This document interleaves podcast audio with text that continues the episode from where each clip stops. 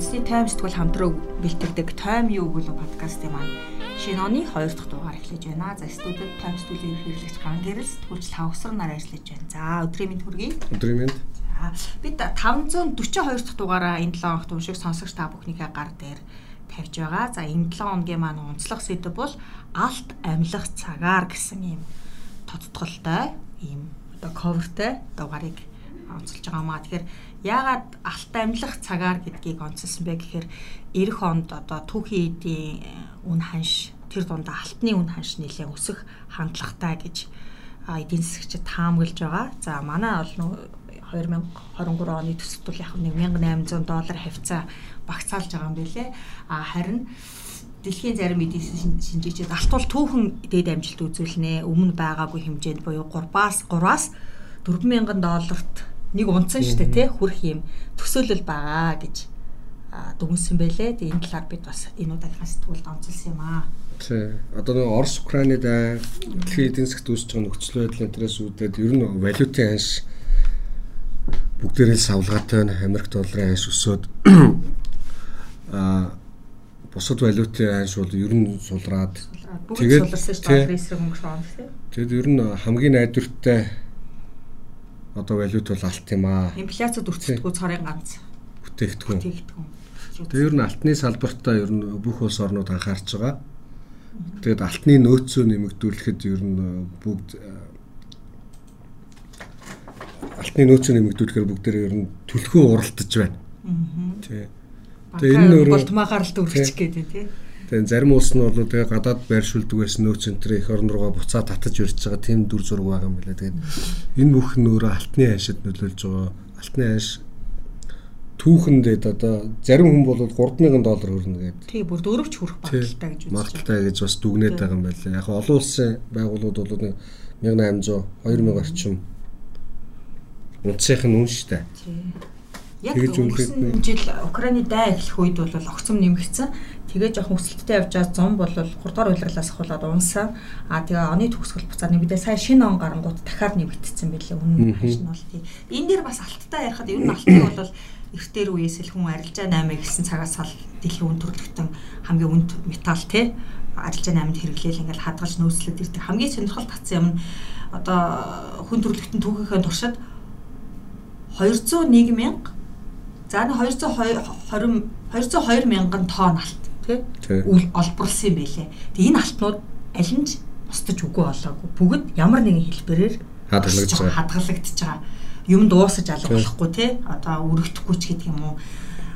Өргөддөггүй баялаг байна л да. Тэгээ энэ дэлхий дээр одоо байгаа энэ нийт олборлогдоод эдийн засгийн эргэлтэнд орсон алтны 46% нь гоё чимэг лизүүлийн байдлаар одоо хүүхнүүдийн эв бүгчэнд те эсвэл голдмаа ч юм уу тийм гоё чимэглэлийн байдлаар байдаг юм байна л да. За сангуудад төрийн бас юм сангуудад 22% нь байдаг. А дэлхийн төв банкуд дэлхий дээр байгаа нийт алтны 17.2%-ийг хадгалж идэм байна. Тэгэхээр алт бол хизээж өргөддөггүй баялаг юм байлээ. Гэхдээ бас нэг юутай тал нь алтанд бас өндөр татвар оногддог баг тий. Аа. За тэгтэл одоо дэлхий дээр олборлогдоогүй газрын хөрсөндөө байгаа 53 мянган тонн алт байгаа. Гэхдээ энэ бол зөвхөн нөөц нь тогтоогдсон. Тогтоогдсон. Өшөө техник технологи хөгжихийн хэрээр энэ нөөц нэмэгдэх боломжтой. А энэ сүүлийн 1950-ад оноос хойш ингээд алт олборлолт эрчимтэй явагдаж байгаа. За энэ хурдаар олборлох юм бол одоо техник технологи яг өнөөгийн техник технологийн өсрөнгөө хөгжлөөр байгаа алтаа олборлох юм бол нэг 35 он гэтэл дуусчих юм билээ. Тэгтээ тэгж юу юу одоо алт руугаа дайрахгүй л хэлээ. Манай улсын хувьд болохоор бас ер нь яаж байгаа штэ. Алтны салбартаа ер нь анхаарах бас зайлшгүй шаардлагатай байгаа. Битэд болохоор яадаг гэхэлэр за ер нь эдийн засаг хүндрээл ингээл алтны хайш өсөөд одоо валютын нөөц багасаад ирэх үед бид нар ингээл алт хөтөлбөрүүдийг санаачлаад одоо алтныг алт хоёр гээл те. Тэгээ санаачлал ингээл явдаг. Тэгэд яг бусад баялаг нь одоо нүүрсээ зараад эхлэх ч үгүй юм тэр нөхцөл нэг алтаа мартчихдаг ч үгүй юм уу. Нэг тийм юмнууд байдаг. Гэтэ нөгөө талдаа алтны одоо хууль бус олборлолт тэрэн дээр авдаг татвар энэ юм байхгүй. Тэгээ хамгийн аюултай нь одоо алтны нөөцөг бол уг нь төв банкын тушаагчтай шүү дээ. Алт олборлож байгаа бол гэтэл хулгай алт бол маш ихээр гарч байгааг бол бид нар ковидын 2 жил хил хаалттай үед Монгол банкнд тушаагдж байгаа алтны хэмжээ өссөнөөс харж.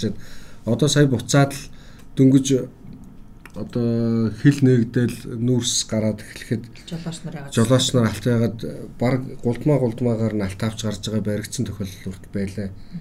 Тэгээ аль зүйлчлэгээд ингээд хөгжөөд яадаг Монголоос бол алт гарах аюул олон зүйлүүд байдаг л гэнэлтэй арга хэлбэрүүд.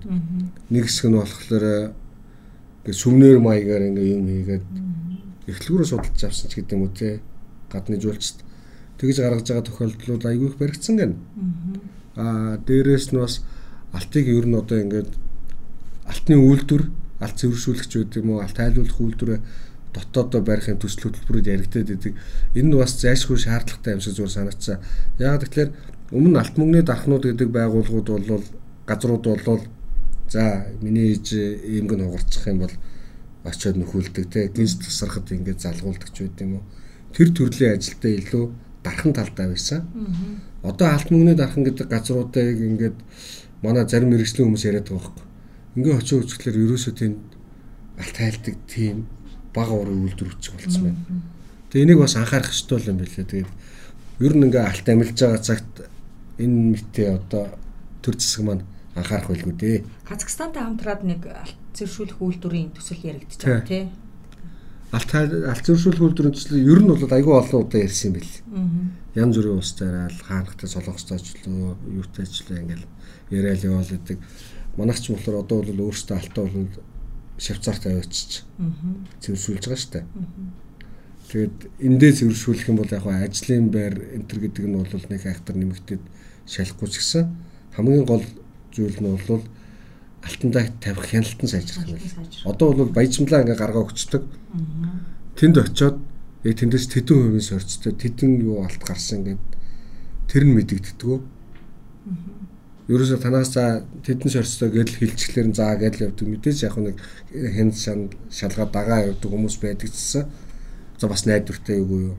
Хамгийн гол эрсдэлтэй зүйл гэхээр алтыг ч нөгөө нэг юу дагдаг юм бэ штэ.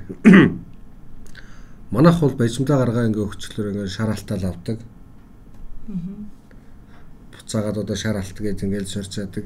Тэгвэл баяжмал дотор ч одоо шар алтыг чинь дагаад цагаан алт заавал бага хэмжээгээр гэдэг юм уу ингээд явж идэг. Бараг алтан сүмтэй үстэй. Тий. Шар алтнаасаа. Тий хэрэлт эрэлт ч ихтэй тий. Тэнгүүд одоо шин тэнд очиж баяжуулж байгаа алтнаас цагаан алт байхгүй бид нар үлдгэлийн хайцсан л гэдэг тайлбар хэлтгэл юм байл л тий. Тэр бас л их алдагтай л болох. Тэгэд ерөөсөө л ингээл алтыг юу нь яадгүйгээд манайх бол ингээ алт гэдэг сэдв дээр болохоор ингээд айгүй тийм нууцлаг энийг хэн мэддэг нь мэддэгдгөө Гэтэл бол ерөөсөө энэ бол ингээд бодоод тахлаар Монгол банкн дээр л ер нь алттай холбоотой бүх асуудлууд яваад байгаа байхгүй. За одоо жишээ нь алтыг хин тийшээ тээвэрлэх юм бажимлыг хин аль үйлдвэрт очиж хайлуулахын шавцаарчууд олон л үүд юм байлгүй дээ. Тэгэл энэ бүгдийг ингээл Монгол банк баг хаалтаа одоо горморч гэдэг юм хаалтаар зарчмаарч гэдэг юм. Тэгээ сонгон шалгууруулаад явдаг. Тэгээ эндээ яг алтны үйлдвэртэй болчих юм бол тэр хяналт нь сайжрах юм. Ядаж л тэр нэг баяжмлаа дагаж гараад хаягдаад байгаа тэр цагаан алт өөр тэр ямар ямар баялгууд байгаа шүү дээ. За дараагийн сэдв энэ үйлдвэр бас л эдийн засагтай холбогдно л доо. Үйлдвэр гүйжүүлэх үйлдвэрийн 30 жилийн ойд гэдэг. Манай Eagle News телевизийн таймч Эрдэнэ баяр бас үнсээ таймчдгуулсан нийтлэл бичиж байгаа. Эрдэнэ баярын энэ сэдв бас их сонирхол татсан. Өнгөрсөн 30 жилийн хугацааны алдаа завхрал Монголын эдийн засгийг зээл тусламжгүйгээр ууршлах боломжгүй болгосон талаар бас Эрка маань хүндсэн байгаа. Тэгээ энэ дээр ер нь монголчууд юу үйлдвэрлэж чадчихна? Эсхий тавчгал үйлдвэрлэж. Харин Монголд үйлдвэрлэв гэж ингээл үндэсний үйлдвэрлэл гэдэг зүйл ярихлаараа л баг сагна олорын үйлдвэрүүд. Тий. Тийм л юм гарч ирж байна. Тэгээд бид нар бол бүх юма гаднаас авдаг хэрэглээл гэдэг өөрсдөө үйлдвэрлэж байгаа юм байхгүй. Одоо тэгэл цагаан сард өгч чинь битээ тас ингээ хог авчирч өгөөрэй хүмүүстэй энэ төр гэл уриалга янз бүр Facebook цэхэм орчинд яваад байгаа байхгүй. Монголдөө үйлдвэрсэн юмаа бэлгэлцгээгээд тэг яг Монголдөө үйлдвэрсэн юм юу байгаа юм. Тэгээ дээрээс нь үнэн маш их хүн. Тэгээ Монголдөө үйлдвэрлэж байгаа юмных нь сав боглоо бодлно гадных. Тэгэл айгүй олон одоо сая хил хаалттай хатуу хөл хорионы 2 3 жил чинь Монголд үйлдвэрсэн юмнууд баг бүгд тасалдсан тий. Яагаад тэгэхээр дандаа сав оглоо бодлоо ирэний хил дээр гацсан гэдэг юм уу тий. Яг цэвэр Монголд үйлдвэрлэж байгаа юм бол маш бага. Дээрэс нь эдийн засгаа маш их гадагшаа мөнгө урсгаж байгаа. Гадаадд дэмжлүүлэхэд 19 сая доллар тий. Боловсралд 383 сая доллар. Аялал жуулчлалд 195 сая доллар зарцуулсан гэж байгаа монголчуудын галаа. Тэгээ жилд шүү дээ. Тий. Тэгээ эн чинь тэгээд э, улс орнот чинь ер нь ингээд баялагтай болвол ингээ аж үйлдвэр энэ төр хөгжүүлээд за баялаггүй улс нь бол аялал жуулчлаач байт юм уу те боловсролын салбар одоо юу гэдэг технологийн салбар хөгжүүлээд. Гэтэл манайх бол ерөөсө хөгжсөн юм байхгүй. 30 жилд хөгжсөн үйлдвэр гүйжүүлэх үйлдвэрлэл хөгжижээ. Ер нь хэрэглээд ял? Гэдэг юмараа явсан. Нөгөө тэр нэг Facebook дээр нэг пост явал манайхан ч заримдаа шүмжлээд гадны нэг хүн бичсэн юм шиг монголчууд хятадаас бараа авчираад гадаадаас хятад голцоо хятадаас хятад гадаадын улс орнуудаас бараа авчираад энэ нөгөөдөө зардаг тийм л бизнес эрхэлдэг. Энэ хатаа олооч өнөө үг шүү дээ тий. Лангууны тийм л манай нөгөө нийтлэлч баярхуугаа бас бичээд байдаг тий. Нөгөө лангууны юугаар ажилладаг манай ерөөсө гол эдийн засаг лангууны аж ахуй болсон. Энэ бас зөв юу санагдсан. За дараагийн сэдв нийтлэлч Давос хөрөнгөний хүнсэн сэдв төрийн минь сүлд өршөө гэв. За энэ манай дээд үеийнхэн бидний аав ээж өвөө эмээчүүд эмээ нар бол одоо төрийн минь сүлд өршөө төрийн нурууд төмөн олон амгалан байвал байг л гэж сүсэлж төр даал башж байгаа нэг нэгэ төрийн хүн гэж хүндэтгэж ирсэн юм уу? Ийм уламжлалтай арт тум төр гих ойлголтыг идеолог төвшөнд авч үздэг байсан гэхэд хэлсдэггүй. За одоо бол өөр болжээ, тий? За энд олон хүчин зүйл нөлөөлж байгаа. За арчсан нийгэм шилцснээр хүн үзэл бодлоо чөлрөөтэй илэрхийлдэг болсон. Аа гэхдээ заримдаа бас хитийдсэн зүйл. Ялангуяа сая одоо оны зааг дээр төрийн тэргүүн, засгийн газрын тэргүүнч гэдэг юм уусаад шинэ жилийн мэдчилгээ төвшүүлж үг хэлэхэд бол бас ялангуяа энэ нийгмийн сүлжээ сошиал орчинд бол арай л бас бүдүүлэг хандлага ажиглагдж илээ. Тэр чинь уг нь хувь хөрөлсөх гэдэг хүн дургу байж болох чинь Монгол төрийн тэргүүн байхгүй. Тэгэд ерөөсөө тэр хүнээр нь гэдэг юм уу нэг хувь хүнээр нь дургу гэдэг утгаараа төрлүүгээ ингэж хандаад энэ нь эргээд нөө төрдөө итгэл гэдэг юм байхгүй болно. Төрийн үнэлэмж гэдэг юм байхгүй болно. Тэг бас хүндэх стол сэдв байлаа л дээ. Тий. Тэг ер нь яг яг бас шалтгаан бий л дээ. Яагаад төр иргэн хоёрын харилцаа ийм төвшөнд хүртлээ те. Одоо их том анцаа үүсэж штэ. Тэг энийг бас засаж залруулах зүйлүүд олон бий. За энэ бол яг бас намуудын төрөл талцал улс төрчдийн хагарал ус хонцон үзэл бодол. Аа тэгэл одоо энэ улс төрчдийн холбогдож байгаа те. Тэр үйлдэлүүд хэрэгүүдээс ахуулаад э, нэлээд шалтгаалж байгаа. Гэхдээ энэ зайг тал зайг бол одоо бас нөхөхийн тулд аль болох төр иргэн хамтарч ээж үгүйдэл зүгээр л ингээд хүнээс бодоод үзэхэд намны бэлгээс артын бэлэг гэж нэг зүйл байна шүү дээ тий. Өөрлөгөл харааж ийн гэдэгтэй нэг ялгахдахгүй шүү дээ. Хамгийн бодиттой аюул нь бол тэгээд энэ байдал даймжраа цаашаа үйл тэгэл хувьсгал руу орч энийг бас нэг анзаарэгдаад байгаа хүмүүс зарим бас бичээд байгаа шүү дээ. Хэрэгээр Одоо гаднаас ч гэдэг юм уу санхүүжилттэй. Зарим нэгэн талаар бас тогтоогдсон зүйлүүд э, яриад байсан шүү дээ. Гаднаас санхүүжилттэй хэрэгээр иргэдийн дунд ийм юу үүсгэх. Одоо хил ам үүсгэх те. Гаднаас одоо хувьсгалын өнгөт хувьсгалын гал өрдөх ийм тохиолдол. Одоо энэ сүүлийн 20 жилийн хугацаанд дэлхийн нийтэд өрнсөн өнгөт гэдэг энэ дотоодын өмнө самныг шалтгалж дөрүүлсэн хувьсгалууд бол дандаа л гадны санхүүжилттэй байсан шүү дээ тий. За За дараагийн сэдвийг манай нийтлэлч дамжин жив хүндсэн. За энэ 2023 он гарснаар хэрэгжиж байгаа хуулиудын талаар нэлээд дэлгэрэнгүй тайлбарлаж ирсэн байлээ. За хамгийн манайхны хамгийн сонирхож байгаа хууль нөгөө согтууруул согтууруул хундаанд хяналт тавих хууль тий. За та хүнийг арх согтууруул хундаагаар дайлсан шахсан тохиолдолд хариуцлага хүлээх болсон тий. Зөрчлийн хуулиар байсан баха. Аа. Энэ ч гэдэг юм уу. За тэгээд нөгөө нэг 10 сая төгрөгийн орлоготой иргэдийн 10 саяас дээш төгрөгийн орлоготой иргэдийн татварын хувь өсөж нэмэгдэх нэмэгдэх талаар за мөн төрийн албаа хаагчдын цалин пөнлөө бас нэмэгдэж байгаа ч гэдэг юм уу. Энэ хуулиудыг нэлээд дэлгэрэнгүй бас өөр өнцгөр тайлбарсан билээ. За сэтгүүлээс уншвал илүү тодорхой бах. За манай нийтлэлч Даосрон тахлын сүдэр гэсэн сурвалжлага хийсэн. За Баян зүрх дүүрэг амьдардаг нэг үрхийн одоо гэрээрээ хуваараа тий сэлбэрийн урлал үйлдвэрлэдэг. За ийм айлын тахлын 2 3 жилд 2 жилд ачаглах гэдэг айл юм байна. Өрхийн амжиргаа болон энэ хувийн бизнес ямар хөө төвшөнд хүрсэн талаар юм. Тэгээ энэ сурвалжлага зүгээр яг хийх гэж ярьж байхдаа бид нарын гарах гэсэн үндсэг бол зүгээр жирийн Монгол айлд за энэ ковид за тахал тахлын дараа ингээд эдийн засгт учирж байгаа асуудлууд хувь хүний амьдралд нь хэрхэн нөлөөлж байгааг зүгээр нэг айлаар гаргаж ирээ гэж үзсэн. Тэгэд үнэхээр л одоо инфляцийн өсөлт юу байдгийг энэ айлын зүгээр орлого өсөөгөө мөртлөө зардлаа дийлэхээ байсан. Өмнө нь бол потенциал амьдралтай ямар ч асуудалгүй явдаг байсан айл өнөөдөр ямар хөө нөхцөл байдалд орчоо. Гэхдээ ингэж орсон ч шинээр ямар ямар нөхцөл байдлыг ингээд эрэлхийлээд боломж байгааг харж байна гэдэг юм уу те. Тэр талаас нь сонирхолтой сурвалжлага энэ нөө модон эдлэр шилбэр хийдэг тийм айл үлээ. Тэгээ бас эхнэр нь одоо бизнесийн одоо 8 худалдааг нэгээд нөхөр нь сэлбрээд хүүхдүүдээ бүгдийг сургацсан тий.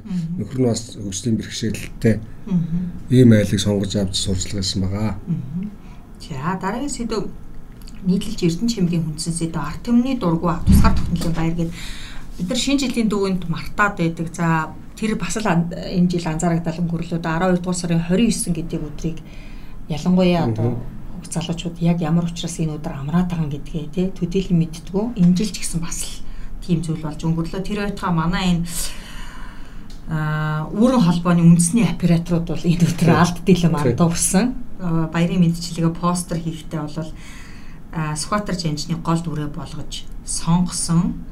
Тэгэхээр Монголын тусгаар тогтнол эрхчлөөнд өвдөлтөй хувь нэмэр хүн оруулсан хүн Сүхбаатар жанжин мөн үү гэвэл мөн тэгтээ 1911 оны 12 дугаар сарны 29-ны өдөр буюу монголчууд тусгаар тогтнолоо сэргээ мандуулсан энэ өдөртэй огтын холбоогүй юм а гэдгийг үндэсний операторууд маань ч гэсэн мэддэг юм байна. Тэгэхээр хүүхд залуус те өнөөхөн яаж мэдэрх үү? жилд ингээд юу байдаг юм байл та. Наатарс бас тоолцсон байлаа. Э, жилийн за 365 хоног одоо 50 гарига хасаад үлдсэн өдрөөс нэг нийтээр 15 хоног амарт юм. Харин тий. Амардаг юм. Бид нар 15 хоног амарт юм бүх нийтийн амралт. За энэ нь болохоор ихч биш багч биш юм байна. Дэлхийн бусад улстай харьцуулахад Минмар мөрөг 40 хоног амардаг юм байлээ шүү дээ. Жилдээ ингээ амардаг. Тий. Баярын өдрийн өмнөөс хамаарад тэгээд манайх бол дундаж юм байна. Гэтэл бид нар яг ингээд сая ингээд үндэсний эрсдэл өнөдөр гээл ярьж байна. Бид нар түүхийн агуулгын энэ баярынхаа учрыг мэддгүү. Тэгсэн мөртлөө хаалууны баяр нь ямар учиртай юм те. Тэгэд тийм баяр Валентин гэхэлэр одоо баг ингээ хүүрнэн үргэлж байгаа сте. Тэгэд тэгэд тэгэж хоёр хүнийг суулгаж ярьдаг гэл. Мартин 8 утгаар нь тэмдэглэн шүү дээ. Тэгэхээр бид нар ингээд нүг баярынхаа үнцэнд бусад Ингээд дэлхийн бусад улс оронд болохоор гол баяр нь бол тэр эрхчлөөтэй болсон ч гэдэг юм уу. Яг өөрсдийнх нь баяр байдаг. Гаднаас импортлсон баяр биш. Импортлсон биш. За яг үндэ ингээд шинэ жил тэгэл одоо хамгийн өргөн дэлгэр тэмдэглэж чинь цагаан сар гээл тэмдэглэж чинь энэ зүгээр он тоолол шүү. Он тоолол байхгүй тий. Зөв тооллын баяр. Тий. Бид нарт яг эрхчлөөтэй болсон ч гэдэг юм уу те. Тэр агуулга бодглохлоор ингээд бид нар яг үндсэн чухал баярууд дээр болохоор за 12 сарын 20-нд элбэг дөрж ерөнхийлөгч үе санаачлаг гаргаад үндэсний эрх нэг юутай болсон. Ерөнхийлөгчийн цомын барилдаа ингээд энэ л барилдаа одоо ер нь за нэг энэ өдөр чухал өдөр юм байх шүү гэдэг. Тий.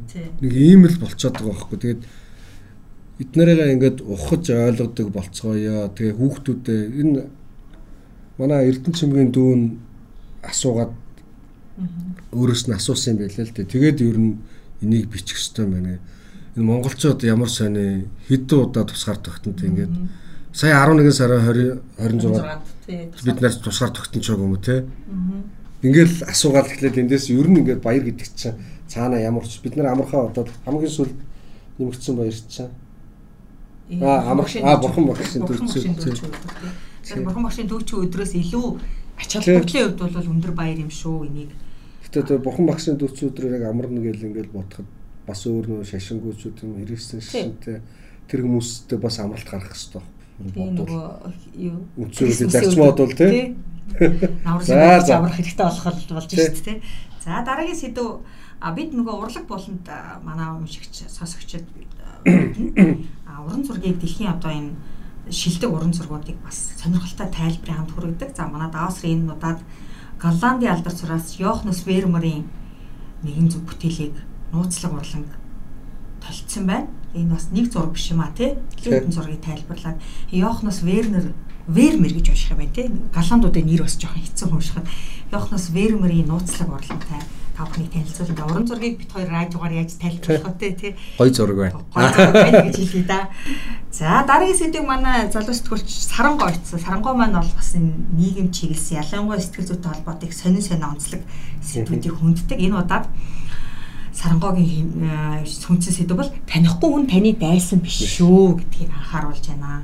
Бид нар чинь ингэдэг дээ ихэнх хүн хүрээлийнхаа гадна оршиж байгаа танихгүй хүмүүстэй харилцаж ярихдаа их болгоомжлдог эцэг эхчүүд бол хүүхдэд чи танихгүй хүн бол муу хүн те. Танихгүй хүнтэй харьцаж болохгүй.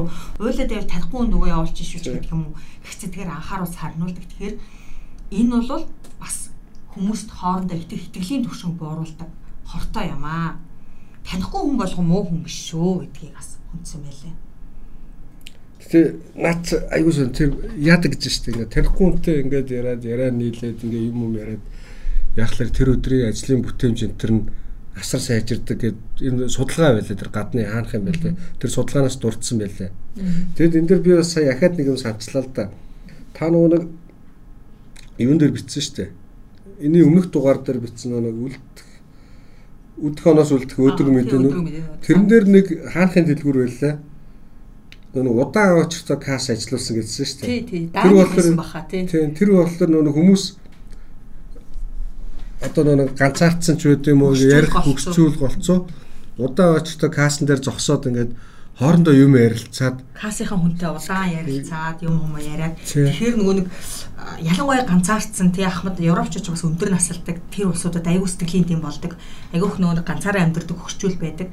Касанд очоод касын хүнтэй бараага бичүүлж явахдаа хууч хүрээд амждаг. Тэгэхээр өөрт нь аягүй тийм нөгөө аз жаргалын гормон гаргадаг. Тийм энэ чинь нөгөө танихгүй шүү дээ. Танихгүй. Тийм энэ дээр зөвхөн өөрийн амьдрал тохиолдсон шиг өчигдөр өглөө би жишээлбэл өглөө эрт ажилдаа гарах гад олон өнгөрөөгээд ингээд потисоосаа ингээд гарах гад шатаар урд явжсэн чинь манай тэр 3 4 давхар чинээр одоо байр хөслөд амьдарч байгаа ч юм уу. Огт танихгүй урд нь юус харж байгаа хүнтэй таралцчихгүй. Те би ингээд хоёр биен рүү амар ингээд гал хараад тэгмэд нөгөө хүн чинь надаас арай дүүн хүн байсан л та. Сайн уу? Та гэхээр би өөд сайн сайн байна уу гэл. Тэгэл гараа явсаа тэгвэл шал танихгүй хүнтэй мэдлэнгүүд айгүй тийм дотроо өглөөч өглөөний энерги чи хүнд айгуу чухал байдаг шүү дээ. Тэгээд нэг танихгүй хүндээ мэдлсэн чинь нэг сонин гоё болоод ч юм шиг. Тэгээд тэгдэг наа чи бүр юу байдаг гинэ. Тэр судлаад үтсэн юм байлээ. Тэгээд айгуу олоонд эерэг юу гарсан гэдэг.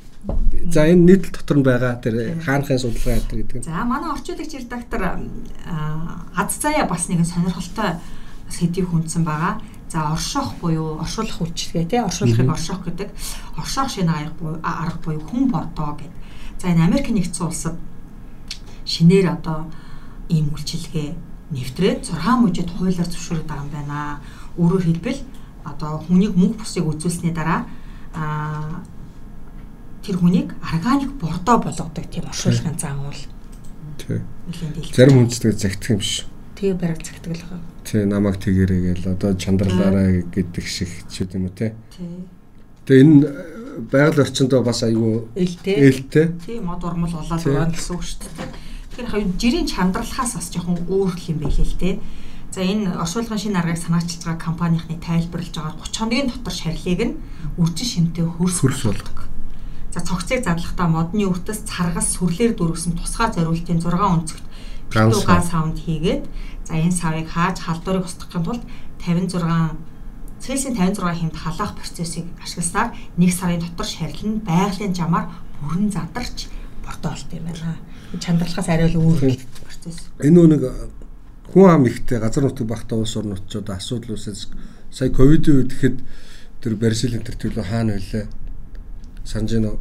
нөгөө оршуулгын газрын зайлбаа нөгөө давхарлаад тий. Давхарлаад юм уу ингээд босоогоор нь оршуулж исэн дээ. Ер нь цаашдаа бол ингээд оршуулгын газар тэлээд байх тусмаа сүулдэ оршуулах тийм газаргүй болч тийм асуудал байгаа учраас чандралах гэдэг нь өөрөө бас зарим зайталбаа эзлэн. За зайталбаанаасаа тухайн нэг юунаасаа хүний шашин шүтлэгч байд юм уу те. За ингээд янз бүрийн зан үйлч байд юм уу. Янз бүрийн шалтгаанаас болоод ахаад өөр аргуудыг хайгаад байсан чинь энэ бол их боломжтой юм билээ шүү дээ. Америкаас гадна Швед улсад бас хуулиар зөвшөөрч байгаа юм билээ. Тэгээд за мэдээч хэрэг юм хоёр талтай байдаг. Энийг дэмжиж байгаа улсууд байгаа, эсэргүүцэж байгаа одоо шашин шүтлэг талаасаа те эсэргүүц зан шалтгаалаас эсэргүүцэж байгаа улсууд байгаа юм билээ. Бас сонирхолтой юм билээ. За дараагийн сэдв. Тэгээ мод болцохлоор гоё үст. Гоё шүү дээ. Байгальтай шиг надад бол мод болоод. Нөө Симбадар гардаг ба шүү дээ. Муфаса нөө Симбаг дагуулж явж байгаа л юу ярьдаг шүү дээ. Ярихтаа ингээд бид нар юу иддэг үст тэгэл гөрөөсийг иддэг үстэйсэн чи гөрөөсийг бид нар идэн бид нар ингээ өөхөд бордоо болоод өв сургана өвсөг гөрөөс идэнэ гэдэг. За дараагийн сэдвийг энэ бас олон улсын байдалтай холбоотой э, энэ тухай сэдв байгаа. За энэ Евроас группийг үндэслэгч Колумбик сургуулийн профессор Ян Бример гэдэг хүн жил болгон 90 онд яг оны эхэнд гардаг юм билээ. Оны эхэнд а яг энэ онд тулгарх геополитикийн 10 эрсдлийг тодорхойлж бичдэг. За за биелэх магадлалын хувьд бол нэлээд Ванга, Нострадамус цаашаа гэмээр ийм дүгнэлтүүд нь бол нэлээд ондгийн байлээ. Тэгээ Ян Бермерийн энэ жил дэлхийн геополитикт тулгарч байгаа 10 эрсдлийг тодорхойлсныг бид бас орчуулж хөргөж байгаа. За энэ сонирхолтой сэдвүүд байлээ. Мэдээж хэрэг энэ Оросын албаны улсын Украинд хийж байгаа дайны нөхцөл байдал хаашаа ирэх нь үү? За хэмжээгүй ирэх мэдлэлтэй болсон Ши Жинпинг хятадын гадаад бодлого хаашаа ирэх нь үү? За инфляцийн хямрал те одоо энэ цар тахал үргэлжлүүлээд энэ геополитикийн тогтворгүй нөхцөл байдлаас үүдэлтэй энэ дэлхийн инфляц 2023 онд бол дэлхийн хэмжээнд шокын байдалд орно гэж тэрээр дүнсэн байлээ. За тэгээд унтны усны хямрал гарах юм байна. Энэ 2023 онд. За дэлхийн өсөлт цар тахлын өмнөх жилүүдэд нэлээд өсөлттэй байсан дэлхийн дундаж давхрах тэлсэн сүүлийн 2 үеийн хугацаанд үе гэдэг маань одоо нэг генерашн шүү дээ. Манайхан ч үеийг яадаг вэ? 12 жилээр тогтоогод идэг л. Дэлхийн 60 гэж нэр. 60 гэж нэр. За сүүлийн 260-д гарсан энэ дэлхийн дотоодын нийт бүтээгдэхүүн 3 дахин нэмэгдэж 1 тэрбум хүн ядуурлаас гарсан дэлхийн өсөлт буцаад саарах нэ. За тэгээд Америкийн дотоод үйл явдал бол яг хаа. За тэгээд энэ хамгийн сонирхол татсан зүйл нь TikTok тесрэлт буюу Z үеийнхний интернет хэрэглээ биднийг юунд ч хүргэж магадгүй шүү. Цаадуулчин нэг коноп дараад л дэлхийн бизнес улс төрийнхэнд хүн цохилт өгч чадах тийм хэмжээнд хүрсэн шүү гэдгийг анхааруулсан билээ. За ингээ үндсэн тамирчдгуулийн 542 дахь дугаарт багтсан онцлог нийтлэл материалуудаас танилцуулахад юм байна. За уламжлал ясаараа 7 хоногийн онцлог гэрэл зургууд дэлхийн болон Монголын үйл амьдралд өрнөсөн гэрэл зургууд онцлог хэрэгслүүдийг бид бас багтаасан байгаа. За ингээд сэтгүүлийнхаа шин дугаарын тоонтой хамт байсан та бүхэнд баярлалаа. Ирэх 7 хоногт дахин уулзлаа. Баяртай. Баяртай.